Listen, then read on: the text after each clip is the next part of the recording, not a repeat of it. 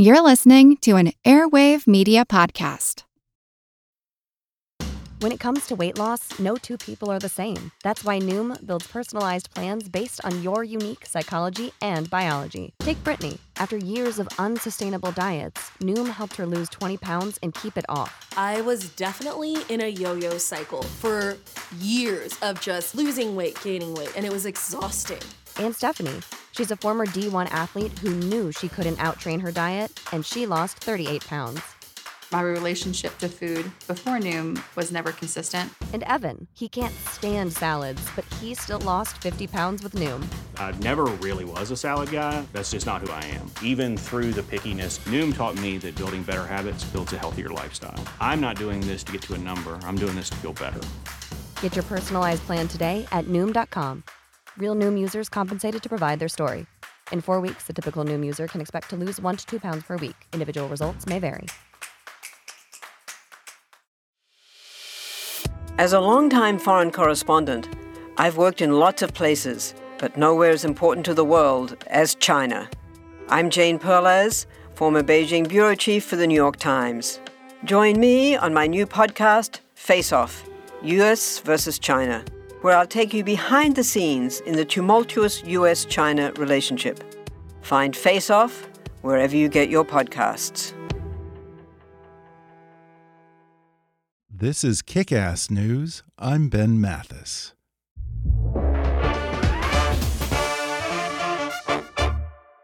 Hi, I'm Ben Mathis. Welcome to Kick Ass News. Since our nation's founding, eight men have succeeded to the presidency without being elected to it. Only four of those men were re elected, and only one of them, Theodore Roosevelt, would have been elected in his own right. Yet each of these men, in one way or another, vastly changed our history, for better or for worse. A new book called Accidental Presidents Eight Men Who Changed America explores the legacy of those vice presidents who made it to the highest office in the land only because their predecessors died, and the power and limits of the American presidency in critical times.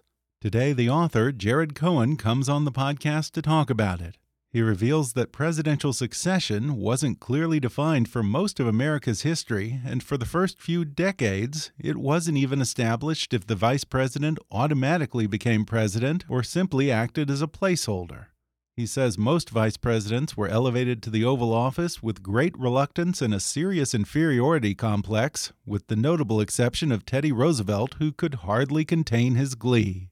We talk about the best and worst accidental presidents, the one who assumed office with the heaviest burden and the least preparation, and the one who was actually accused of conspiring to murder his predecessor. And no, I'm not talking about Lyndon Johnson. We also get into the near misses, close calls, and the VPs who were almost made president. Plus, Jared suggests a better way to choose a running mate. He talks about his childhood fascination with the JFK conspiracy and his unique hobby, collecting presidential hair. Coming up with Jared Cohen in just a moment.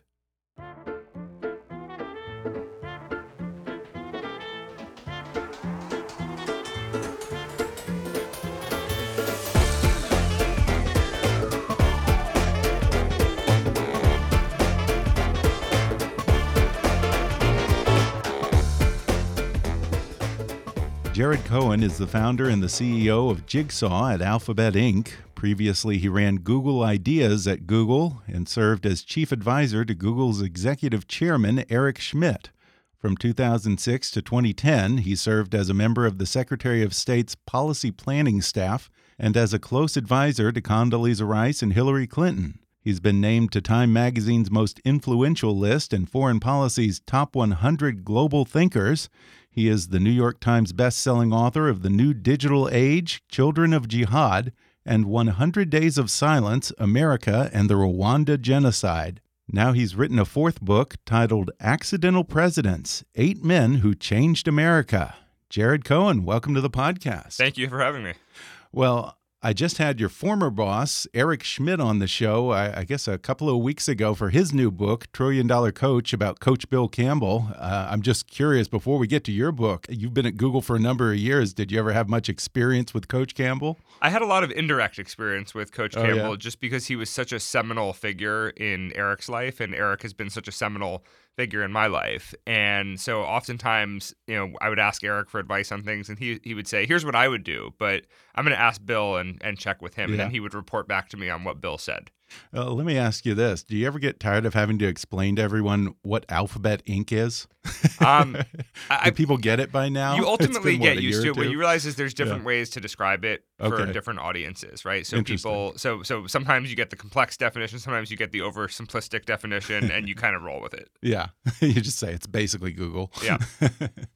well, I enjoyed your new book, Accidental Presidents, and many people will read the timing of this book as a commentary on President Trump. And certainly there's been a great amount of talk of presidential succession with the specter of impeachment hanging over him, people questioning his mental fitness for office, and also just the fact that he is one of the oldest presidents, and from looking at him, not in particularly good shape. Were any of these factors in writing this book? So it is absolutely true that at this moment in time, I think Americans are captivated by questions related to power of the presidency. There's a hyper fixation on presidential succession, impeachment, and it's true we are in the longest period of time without a president dying in office. Yeah. We have the oldest president in the history of the republic, and the top two contenders on the Democratic side, at least according to the latest polls, are both in their 70s. Um, what's interesting is my book was not triggered by this current moment. My book was triggered by an eight year old's interest in the President of the United States. So, my parents, when I was eight years old, they bought me a children's book, one of those rhyming books designed to turn me into a precocious child. And I fixated on death. And my poor parents, they didn't even know who William McKinley was, let alone having to explain to me why his head was keeled over with blood dripping down it. So this was sort of a lifelong interest. And as I got older, it got a little more intellectual than, you know, Uh-huh. mom, dad, what is death, and so forth. And it's this amazing story from 1841 to 1963, the president of the United States died in office almost every every 10 to 20 years. It's an extraordinary tale of how these men who were not the voters' choice, who were ostracized from the administration, who had radically different views from their predecessors, ended up being thrust into the pinnacle of power at some of the most important moments in our republic's history. And I understand that a lot of this also goes back to a childhood obsession with the JFK conspiracy, huh? When uh, I remember when Oliver Stone came out with this film, I can't remember Oh, if it was 1992 or 1994, and I actually just rewatched it on the on the plane on the way on the way here. I got Yeah, nostalgic. With I- Kevin Costner doing his New Orleans accent. Yes. I decided to annex one of the rooms in our house and I turned it into the Kennedy room and I declared that I was going to solve the Kennedy assassination. And it was cute until I was annoying about it. Yeah. So, anyway, throughout my entire life, um, I was fascinated by all different aspects of the presidency. But because of this book as a kid, it was always about the ones who died in Yeah. office. And what I find interesting is it's a very relatable topic, not just because of the current zeitgeist, but every American has some familiarity with some part of this eight character story. Um, but most Americans are surprised to learn that it happened eight times. So then I get into the fact that 19 presidents nearly died in office through a range of activities that, that are as broad as a suicide bomb attempt. Um, you know, uh, presidents being shot at point blank, flung from their carriage, nearly being blown up in ship explosions, and people are just kind of dying to know more. yeah, that's worse than 50 50 odds. Being president is not good for your health, huh?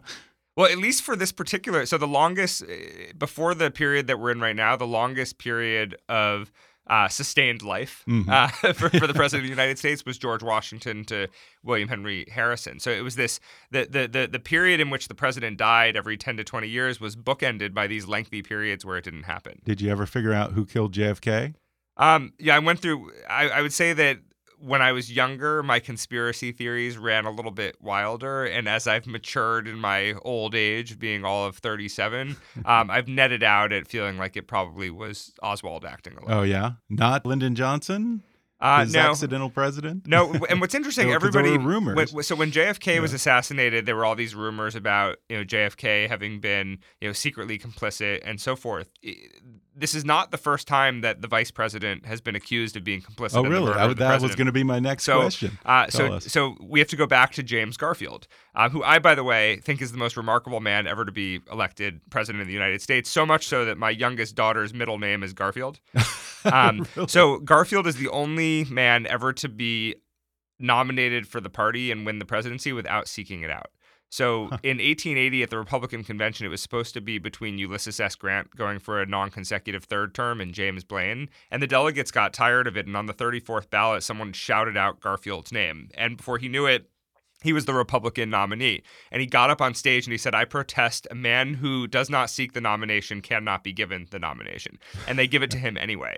And so uh, Roscoe Conkling, who's this larger than life Oh, yeah, New York boss. party boss, Yeah. and Chester Arthur, who's like his COO, little stooge, um, you know, end up spending the entire time subverting uh, Garfield's candidacy for the presidency, even though Arthur is the running mate. And then when Garfield is shot four months into office, the assassin, who's a mentally ill office seeker, names Chester Arthur as the beneficiary of the assassination. It turned out Arthur had met with him a couple times. Oh, wow. So Arthur, while Garfield is on his deathbed for about 80 days, has to more or less go into hiding because there's angry mobs uh, looking for his head. And he never gets he, he he desperately tries to get in to see President Garfield on his deathbed. And he says to somebody, I need to get in to see the president to clear my good name. So imagine this, the vice president of the United States desperately begging to get in to see the ailing president so that the ailing president dies knowing that the vice president wasn't responsible for it. Uh, Yeah, and meanwhile, everyone's probably worried that he's there to finish the job or something. Yes, but gonna the- take but a pillow over his head. But the plot thick, the plot thickens on this because we talk so much today about uh, uh, the president trolling, people trolling the president. It turns out the very first incident of trolling the president of the United States and eliciting a response also took place in this moment. So Really? Chester Arthur, who is this loathsome character who was so vain that he changed his birthday to appear younger, is the embodiment of the spoil system. Lazy as as can be, so lazy and so ineffective that his his advisors walked around with a basket that they called the productivity basket that had lots of important looking documents in it, so it looked like the president was doing something. Um, and he was the embodiment of the spoil system, something that, that Garfield desperately wanted to, to abolish. And then this mentally ill woman, you see a pattern here, who lived on the Upper East Side of Manhattan, starts snail mail trolling him. These 30 letters that tell him he's a despicable man, de- comparing him to the worst characters of the court of King Henry VIII, but tells him there's still hope for him. You can still be salvaged, Mr. Arthur. Oh, my um, God. And then he gets in his presidential carriage and he shows up at her house one day, and it's a transformative experience, and he ends up signing the Pendleton Act, which creates the modern day civil service and abolishes Yeah. the spoils system. For a while, presidential succession was somewhat up for debate, right? As to whether the vice president automatically became the president or whether he just served as acting president. When was that firmly established? So the founding fathers didn't like the idea of a vice president. Um, they didn't want one. They ended up adding it at the last minute as an electoral mechanism because they needed to figure out what to do with the person who got the second largest number of votes. And then when we passed the 12th Amendment, which led um, delegates to cast ballots separately for the, the vice president from the president, it basically rendered that that utility of the VP not not relevant anymore. Um, so I found this story kind of endlessly frustrating because they gave no thought to presidential succession. So when Yeah. 18 in 1841 when William Henry Harrison, who's this great Whig general, ends up dying in office 30 days after taking the oath. By the way, he was not killed by pneumonia, as many people um, uh, suspected at the time. It was revealed 150 years later that he died from ingesting excrement um, that was in the water due to bad Yeah. sewage around the White House, which was responsible yeah, for killing a couple of cases of that. it I probably think, right? killed James Polk and it probably killed Zachary Taylor. But I digress. Um, so so uh, so imagine this scenario. So he gives the longest inaugural address in history. It's an hour and 40 minutes. After the inaugural address, John Tyler, who is thrown on the ticket to win Virginia, which they ended up losing, skips town and plans to spend his entire four years as vice president, you know, at his home in Virginia, being completely irrelevant. So then imagine everyone's surprise when Harrison drops dead 30 days later. Tyler knows that the Constitution is truly vague on whether or not the pre- the vice president becomes president or just discharges the duties as president. And if you read the language, it biases much more towards the idea that the vice president is an acting president who just fulfills the the the, the duties. Uh, Tyler knows this. He comes back through a combination of boat, train, and horse-drawn carriage, and is ready for a fight with the cabinet and with Congress. He spends his first three and a half uh, months po- after Harrison's death asserting his right to be the president, not just mm-hmm. act as president. He ends up winning that battle, but ends up with a sort of disastrous political outcome. the, the Whigs end up formally kicking him out of the party. So he becomes a president without Wow. a party. He's the first president to have impeachment proceedings brought against him. There's brawls in Congress over his policies. And then he's left, you know, trying to aspire to win the election in his own right in 1844. And since we look at presidential impulsiveness in contemporary times, it's worth reflecting that in 1844, presidential impulsive behavior led him to, in a moment of political rage, covertly annex Texas and precipitate war with Mexico. And now, what would be the distinction between an acting president and being president? Were there certain powers that he wouldn't have? Could he not appoint his own cabinet? Was he kind of stuck with the the previous cabinet? How does so, that work? so it's a great question. I looked at this in the context of Tyler's thinking in two ways. There, there were two issues. One, um, the Constitution indicated that if there's an acting president, the Secretary of State should call a special election for the following November. Okay. And given this was the first, given this was just 30 days into the new term, the implications of that would have been profound. yeah.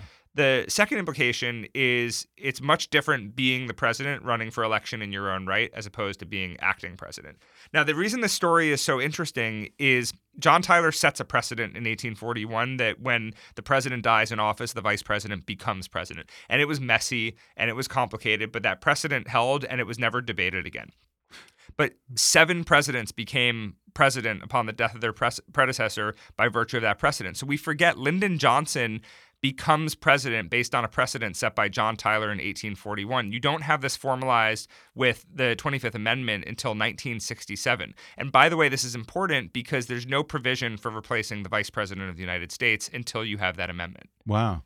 Your love of James Garfield notwithstanding, it sounds like the VPs of the 19th century were pretty unremarkable a lot. Uh, before Teddy Roosevelt, were there any who really stood out or left their mark on the office in a good way?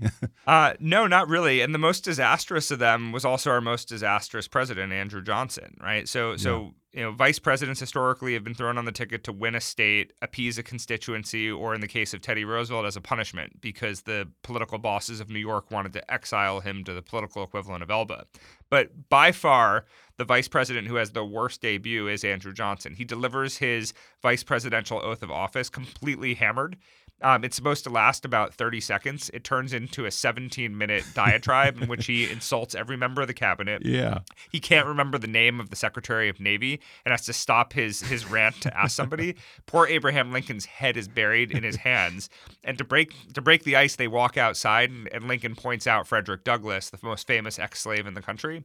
And Douglass describes this moment in his memoirs. And he said, I looked at the hatred in his eyes as they were glazed over, and I knew two things to be true. One, we were lucky that man wasn't president. Two, he's no friend of my race. Absolutely the right conclusion to draw, but Douglass didn't realize that Johnson was hammered. So he's literally describing a drunk person. Yeah. And what's fascinating about this is Or Donald Trump sober. yeah, or, or that. the so um so Johnson is so humiliated by this that he essentially goes into hiding. Um, and then Lincoln is assassinated, um, and Johnson gets sort of woken up in the middle of the night, rushes over to the Petersen home where Lincoln is is laying diagonally on the bed. And everyone knows Johnson's going to be president, but nobody has seen him really since this drunken spectacle where there were calls for his resignation and so forth. So imagine this everyone knows he's going to be president. Lincoln is basically dead on the bed. Um, and a member of the cabinet approaches Vice President Johnson and says, Sir, you're making Mary Todd Lincoln uncomfortable. We're going to have to ask you to leave. Yeah, that has to be probably my favorite story in the book. Uh, and I wonder, uh, do you think that he ever recovered from that day? Or perhaps it might have been behind some of the animosity toward him when he later became president? Johnson was a very complex figure. And in writing this book, one of the things that I tried to do was act as if I was going to play one of them in a movie. so I'd really try to get in their head and so forth. In the case of Andrew Johnson, he's a brilliant choice in the context of 1864 because he's revered in the North and reviled in the South. He was the only Southern senator to stay loyal to the Union. He was a Right. war Democrat from a border state, and those were basically extinct. Um, he bravely allowed himself to be deployed to be military governor of Nashville at much risk to his life, many assassination attempts. Um, because he believed so much in the Union, he put the fact that he was a slave owner and a racist, you know, from the time he was born to the time he died, aside and wanted to break the Confederacy to put the Union back together. So his rhetoric in 1864 was more forward leaning on civil rights than even Abraham Lincoln. There's this great Wow. scene where he emancipates the slaves in Nashville and he stands on the steps of the Capitol and the freedmen, so the, the ex slaves who are standing there, declare him the Black Moses. And he says, Yes, I am your Moses. Um, this is an incredibly dramatic scene. And, um, you know, five weeks or six weeks after Lincoln is assassinated, the Civil War ends, and Johnson, who again is a unionist above everything else, just wants to get it all functioning again. So it's not that he all of a sudden, you know, does an about face. He tactically um, changes around his priorities for a post-Civil War context. And I always say that the story, what, I- and I write about this in the book, that the story of civil rights in post-Civil War America is very much a story of two presidential assassinations. Lincoln's assassination gave us Andrew Johnson, which gave us segregation, and Garfield's assassination deprived us of the one man who aspired to and was capable of and detached enough from party politics to be able to reverse some of that. There's a recurring theme of VPs who are woefully unprepared for the job and suddenly have sort of this oh crap moment when they have to assume the office. And it's funny to me because for all the talk of how the vice presidency was considered to be a political death sentence, whenever VPs have been elevated to the presidency, most of them don't seem very excited about it. Yeah, with one exception. Um, and, and I write Right. about this in the book. Teddy Teddy Roosevelt has this amazing quote, and he'd Yeah. spent his entire life thinking about and fantasizing about being president. He says, It's a terrible thing to come into the presidency this way, but it would be far worse to be morbid about it. um, well, the first thing that I'll say, what I, what, what's always interesting, the eight times that the president dies in office, with the exception of LBJ, it takes them a while to find the vice president. Really? Um, sometimes you know, you know, five, six, seven That's hours lapse. I mean, Teddy Roosevelt was on top of a mountain. Um, Harry Truman was underground at the Capitol building, and um, had you know his Secret Service wasn't around. Um, you know, Calvin Coolidge didn't have a phone, so nobody could figure out where he was staying in Vermont. Uh, Chester, you know, Chester Arthur was was on a boat. Um, so so so nobody could find them. And it's true, most of them had never imagined being president, again, with the exception of Teddy Roosevelt and LBJ. Um, they never expected to be president. Many of them didn't want to be president. They hadn't thought about it. The one that's remarkable to me is, is Harry Truman. So Truman is everyone in all the party bosses in the Democratic Party in 1944. They know that you know, FDR is a dying man. And there's a reason why in Accidental Presidents I spend an entire chapter devoted to just the choice of Harry Truman because I want my readers to understand how reckless a choice it is. Because everybody knew FDR was a dying man, they couldn't fathom the idea of the incumbent vice president Henry Wallace becoming president. They thought he was too liberal, and they thought he was a Soviet sympathizer. Both probably true. Um, so Harry Truman, you know, gets thrown on the ticket as an anti-Wallace play, and he's basically a boring provincial machine politician from Missouri who's not particularly worldly. But as, as soon as they get Wallace off the ticket and get Truman on, nobody thinks about Truman again. So in his 82 days as vice president. Truman doesn't get a single intelligence briefing. He's not briefed on the atomic bomb. He's not read into Yalta, doesn't meet a single foreign leader, and only meets FDR twice, and both times pretty superficially. Um, he wakes up on April 12th, 1945, and throughout the course of the day, um, you know, learns that he's president of the United States.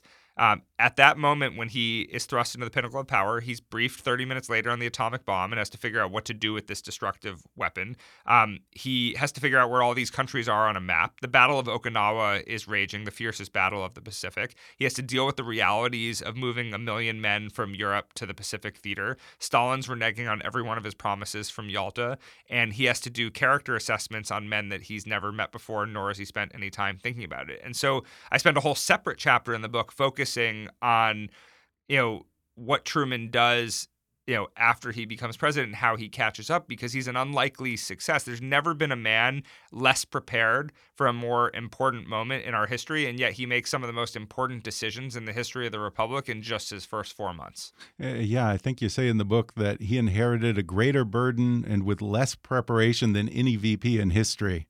And I think over the years, people have started to reassess his presidency. When he left, I don't think he was very popular, right? Well, and, and I think we have to be fair about why he wasn't popular. So Truman doesn't think he's going to win in 1948. And Not even his wife wanted him to run, right? right and, and, and, and the reason and he gets and, and Strom Thurmond enters the race um to uh, which which nearly thwarts uh, Truman's uh, Truman's election prospects in the Chicago Daily Tribune. You know, Prince Dewey defeats Truman. Um, so nobody thought he was going to win, but a lot of his unpopularity in that election came from his decision to desegregate the army, Mhm. for which history should look fondly on.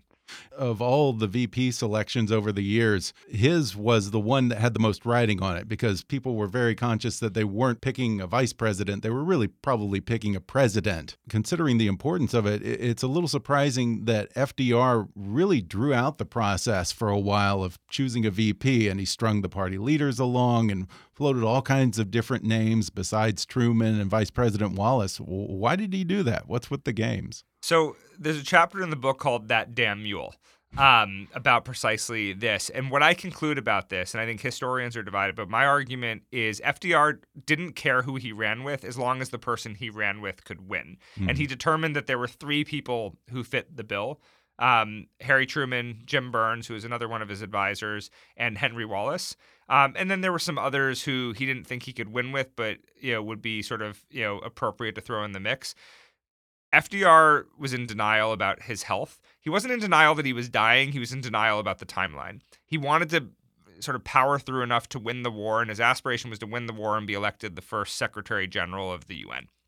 That was his aspiration. And he was terrified of the idea of becoming a lame duck presidency. Um, and what he was most concerned about is the perception that the party bosses were ordering him around because he thought it would weaken him and he couldn't afford to be seen as weak. And again, there's all sorts of psychological aspects of this because you know he knew he was such a, a sick man. So he's he what people don't realize about FDR, he was an incredibly manipulative man and not particularly nice. So he would throw he he, he would basically they, they they do these kind of power brokers meetings and they would get FDR to agree on something and then the next day he would throw another name in the mix. And what I think he hmm. was trying to do was keep it confusing long enough so that by the time it got to the convention, it was going to be one of three people, all of who were acceptable to him. I think that he had a preference for Henry Wallace, but I think he was happy to run with any of them. Truman, I always felt sorry for because, like you said, he came into the office totally unprepared, and not a lot of people seem to have had very much faith in him in the beginning.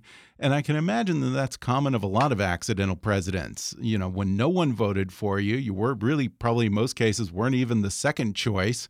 And probably not a lot of people have much confidence in you. Is it common for accidental presidents to come into office with a little bit of an inferiority complex? All, all of them come into to office with an inferiority complex. So one of the themes in in in each of the eight transitions that I write about is they're all obsessed with the idea of winning election in their own right. Mm-hmm. and it causes them to do things that are drastically different from their predecessor. It causes them to to really miscalculate and overestimate. The first four failed to win election in their own right, and then the last four won election in their own right. So Teddy Roosevelt, um, you know, then uh, Calvin Coolidge, then Harry Truman, then then LBJ. Um, so i it's interesting to see the, how the decisions that they make are guided by winning an election in their own right. The one who, in some respects, proved to be the savviest, besides Teddy Roosevelt, who by all accounts was crazy. And by the way, I should say, after writing this book, I've determined that two things are true about Teddy Roosevelt. One, he would have rivaled Donald Trump on social media. Um, and two, we should thank the heavens that he didn't preside over a war as president. Yeah. Um, the man loved war. Uh, Yeah. he, he was he would not if, if he was president in 2019, the perceptions of him would be very different. And I think he used to bemoan the fact that he wasn't a wartime president, Well, Teddy saying, "I would have been one of the greatest presidents in history if only I'd had a war." I think it's accurate to say Teddy Roosevelt lusted after Yeah. war, and, and and when he finally gets his chance to storm San Juan Hill in Cuba, you read the Medal of Honor recommendations, most of which he engineered, and they describe a cra- they literally describe like a crazy man, um, not a heroic man. Um, but the one who was the most savvy w- w- was Calvin Coolidge, and and this is perhaps the most Hmm. Mouth prescriptive. Cal. Well, this is perhaps the most prescriptive for today. So, Hard- the Harding administration was the most scandalous administration in history. Um, you had the Teapot Dome scandal, which was a massive oil scandal, a huge scandal at the Veterans Bureau, and then an attorney general who was complicit in everything from fight fixing, bootlegging, stock manipulation. They were like really shady suicides and murders in and around his circle. Um, you know, they had these massive underground parties. They would bury bulk cash in backyard. I mean, it was a shady, shady attorney general, bad Wow. attorney general. Um, and Harding when Harding dies out west, he basically is worn down by the men in his cabinet who just you know came to Washington as the Ohio gang and rode the the, the Harding name and just overwhelmed him with corruption. So you know Alice uh, Longworth Roosevelt, the the the um, somewhat estranged and and social daughter of Teddy Roosevelt, said it best about Warren Harding. She said Harding's not a bad man; he's just a slob, um, and that and that's pretty accurate. So Coolidge, so but Harding dies an enormously popular man because none of these scandals have broken yet, mm-hmm. and Coolidge is close enough to the administration to know that you know the the the, the clouds are are rumbling and he's in for a rude awakening. Coolidge is the only one of the vice presidents to inherit the presidency uh, with less than a year to go before a presidential election. So he has to figure out when the scandals break, how does it not destroy the Republican Party and its prospects in 1924? So Coolidge has this incredibly self-reflective moment where he says, "I'm a pretty boring guy." I'm a non-entity. I'm not interesting. I can make something of that. And there's this great story of him as vice president where he's at the Willard Hotel and the hotel's on fire and they have to they're ordered to evacuate and he says, "But I'm the vice president." Um, and they say, "Okay, you can stay." And then the guy turns around and says, "The vice president of what?" He says, "The United States." And he says, "Oh, you have to evacuate, sir. I thought you were the vice president of the hotel." Uh, so Calvin Coolidge, recognizing that everybody thinks he's boring, everybody thinks he's a non-entity, decides to double down on that image and he cultivates this image of um, uh, of Silent Cal, mm-hmm. a man so quiet, so insignificant that he couldn't possibly have been complicit in any of the scandals. So when the scandals break 3 months into his presidency, nobody would dare saddle Calvin Coolidge with any of it because again, he was so boring. so do you think people underestimated him? Would would you say that he was a decent president? Um, I would say he at best was average. I would say mm-hmm. he was he was more politically savvy than people give him credit for because while he was cultivating this image of a man too silent and boring to have been complicit in his predecessor's mess, he was pioneering broadcast radio and engaging in ways that no president had ever mm-hmm. engaged before in history. He's kind of the, the presidential father of mass media. Isn't that isn't that ironic that a man yeah. known for being quiet and insignificant was more verbose um, to the average American than any president up until that up until that time. Um, the lesson for today is, I in, while that was savvy, the economy was booming. And I think it's clear that Americans didn't care if the president was Warren Harding, Calvin Coolidge, or Herbert mm-hmm. Hoover, as long as they had their Eskimo pies, their consumer products, their broadcast radio, their you know fun tabloids. I mean, this was just this was an era of mass market, um, and that ends up overshadowing scandal and characters. And you know the the leader you know from harding to coolidge they they basically step back and let the good times roll. We covered the worst of the accidental presidents. Uh, who would you say was the best? Well i think I, still think that Harry Truman was the best because okay. he was so unexpected. And and so I spend my time in one of the chapters trying to figure out what was it about Harry Truman that made him successful whereas Lyndon Johnson's record was more mixed.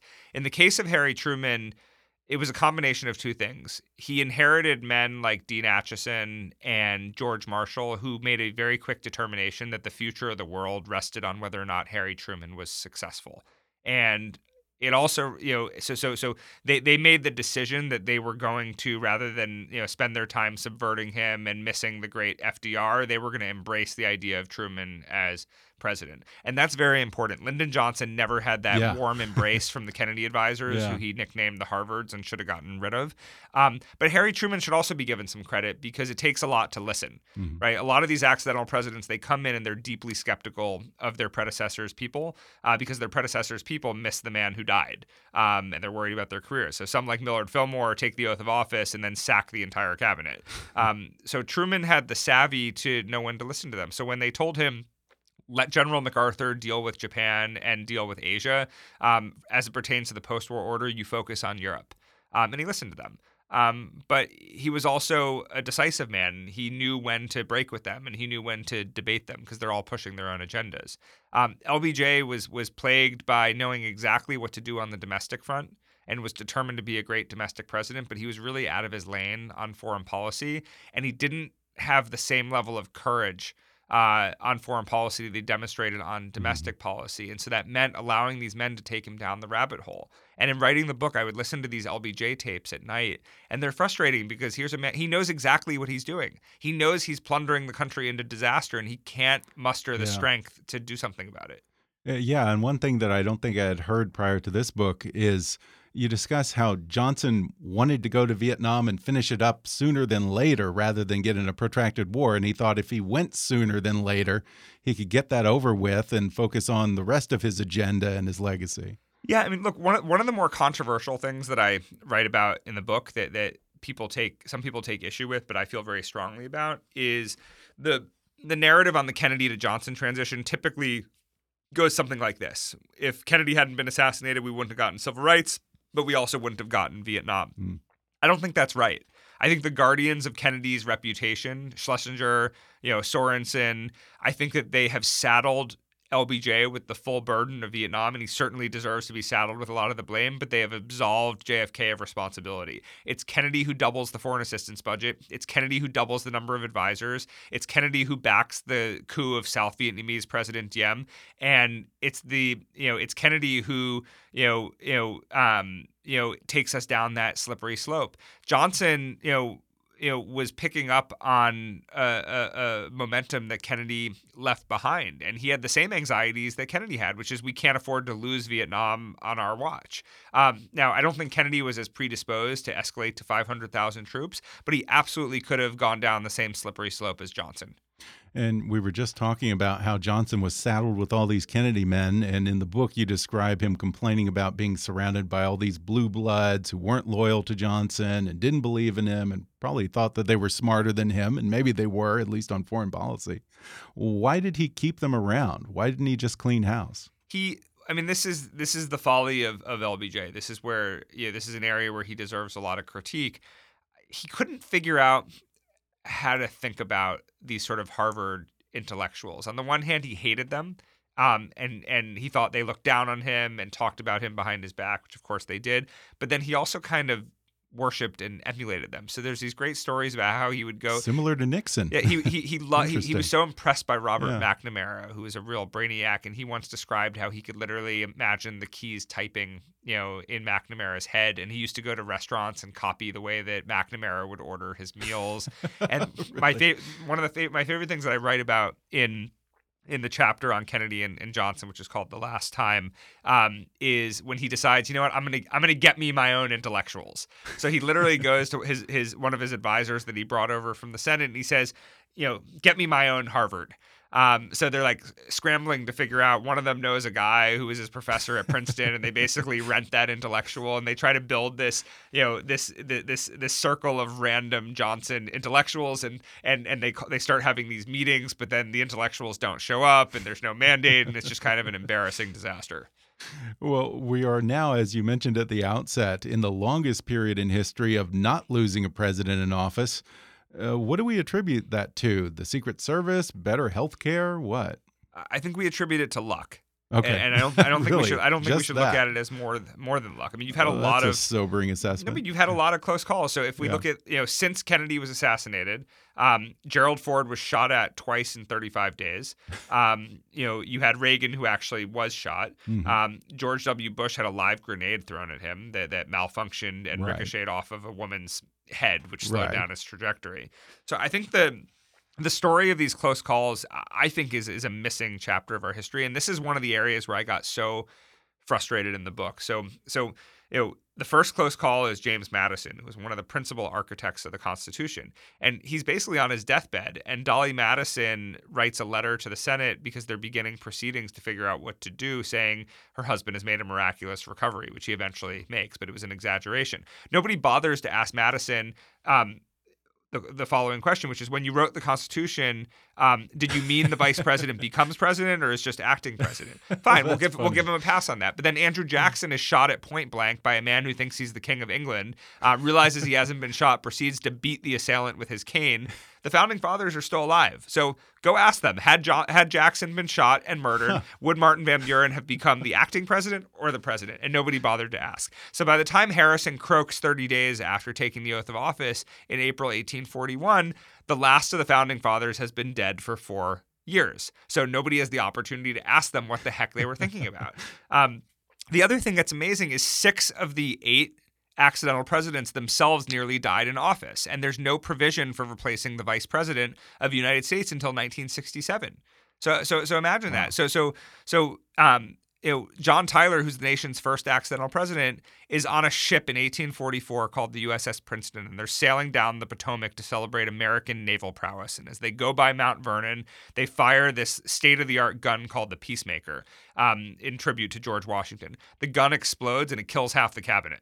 Um, it kills the Secretary wow. of State, kills the Secretary of the Navy, it kills several ministers, it kills the president's favorite slave, and it would have killed John Tyler had he not been down below deck flirting with a young woman who was more interested in the captain's son. So they come above deck, and she faints in his arms when she realizes among the dead are her father, who's a New York State senator. She nearly kills them when she's startled and awakens as he's holding her and carrying her down the gangplank, nearly knocking them over to their death.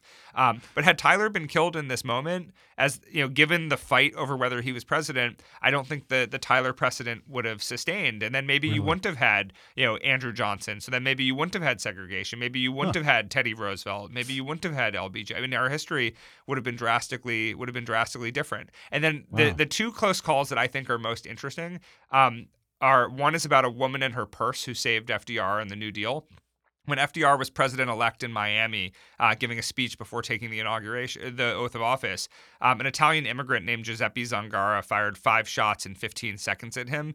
Um, and a 100 pound woman named Lillian Cross was standing next to the assassin and saw him pull his 32 caliber, moved her purse from one arm to the other, smacked his arm, thwarted his aim. It killed four people, including the mayor of Chicago who was visiting, but it spared FDR and saved the New Deal. Um, and then JFK, who obviously was assassinated in 1963, people don't realize he was nearly killed by a suicide bomber as president elect. Yeah, that was interesting. A disgruntled postal worker named Richard Pavlick stuffed his pants with enough dynamite to blow up an entire church and gets within four feet of JFK wow. as president elect. The original his, underwear bomber. Exactly. Has his hand in his pocket on the trigger, ready to pull it, and then catches a glimpse of some children and decides he'll do it the next day. I mean, you have to wonder, I guess, you know, when you look at all these uh, near misses and close calls, which one would have been the most disastrous one? In other words, which near miss do you think, wow, thank God that didn't happen and we ended up with that VP in the office? Um, I mean, the most, the most, out of the close calls, I mean, I think the one that would have been the biggest deal would have been FDR. Mm -hmm. um, had, be, had he been killed as president elect, um, you would have had John Nance Garner, who said the vice presidency is not worth a warm bucket of piss as president of the United States. But I don't know that you would have had the New Deal. I don't know how Garner would have handled World War II. There's a lot of what ifs. I mean, FDR mm-hmm. was a was a was a unique figure in in our history. What's interesting is nine days before that near uh, that that near assassination of President-elect Roosevelt, the country passed the 20th Amendment, which says that if there's a vacancy in the president-elect, the vice president-elect becomes president on inauguration day but there's a twist because the inauguration uh, was still on. Uh, the inauguration still took place on um, uh, on March 4th at that time. Um, uh, so it, it's so, so it's a little it's a, gap. Yeah. So yeah, so you would have had a gap. So it's it's it's it's it's these sort of counterfactuals are quite interesting. Now you take on how modern day candidates select a VP. Are they more chosen these days for what they bring to the ticket as a running mate than what they might bring to the administration as a VP? So one of the things I write about in an afterword in in the book is how we've learned absolutely nothing. Mm-hmm. So eight presidents dead, another 19, you know, nearly dead, and as recently as 2008, you have a man in his 70s picking Sarah Palin as the as his running mate. Yeah. You know, we're still first of all, I don't think candidates should have total autonomy in picking the person who's going to be a heartbeat away really? from the, the presidency. It, really, even though they're the one who has to deal with them. But historically, that's historically that's not how it's how it's been done. Well, that's and true. Yeah. It's it's also it shouldn't be an appointment, right? I mean, the vice president is elected again mm-hmm. by going by the Twelfth Amendment. The delegates cast one vote for the president and one vote uh, for the vice president, right? Which is why it's such. It, it, it, and and so the, the candidate, so long as they can choose, is always going to bias towards what state they need and what bump they need in the polls at that particular time because they're against the ropes, and the only thing that matters right. is the electoral advantage and winning. Um, there's no evidence that imagining what this person would be like as president really factors into it.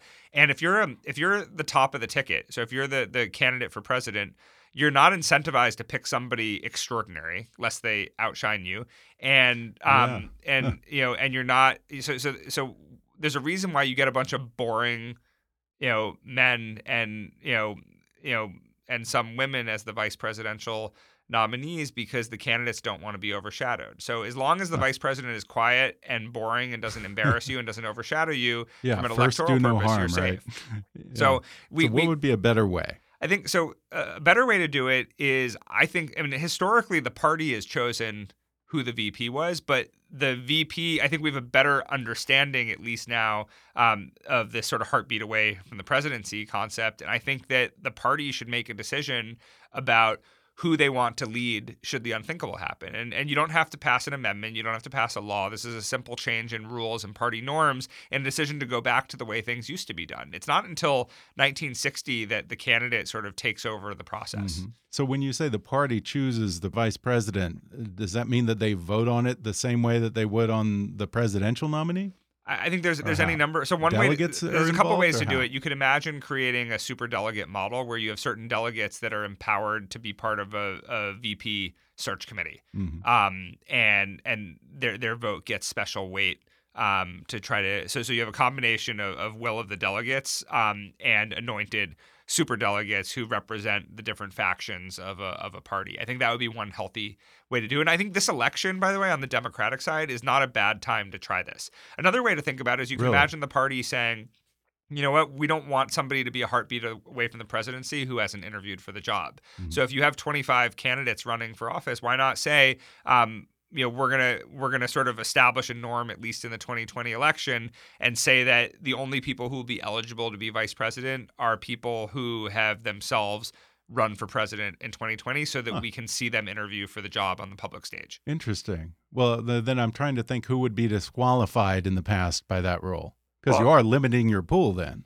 Yeah, I mean, well, you you had, I mean, if if you look at the last, I mean, Tim Kaine didn't run for, True. you know, yeah. didn't run. Um, Cheney. Yeah, Cheney, Cheney didn't run. So, um, so you do have, um, you have a mix, and I think what's, the, the, there's another thing that I would change. I, we, I, the Harry Truman example is very scary to me Mhm. because now we don't think about it because he ended up being remarkable. But the notion that the country can be at war and the vice president can be totally cut out of the mix is a very dangerous prospect. Yeah. Um, and you know, Truman was nervous about seeking out information lest he be seen as anticipating FDR's death. So I would like to see, and I write about this a little bit in the book, a sort of presidential, some some sort of some sort of presidential succession act for which we've had many um, that legally empowers the vice president to request intelligence briefings um, and set up a national security Hmm. team, um, so the vice president has the legal mandate and legal authority to get themselves read into Yeah. things, even in Good a idea. situation where they're completely ostracized from the administration.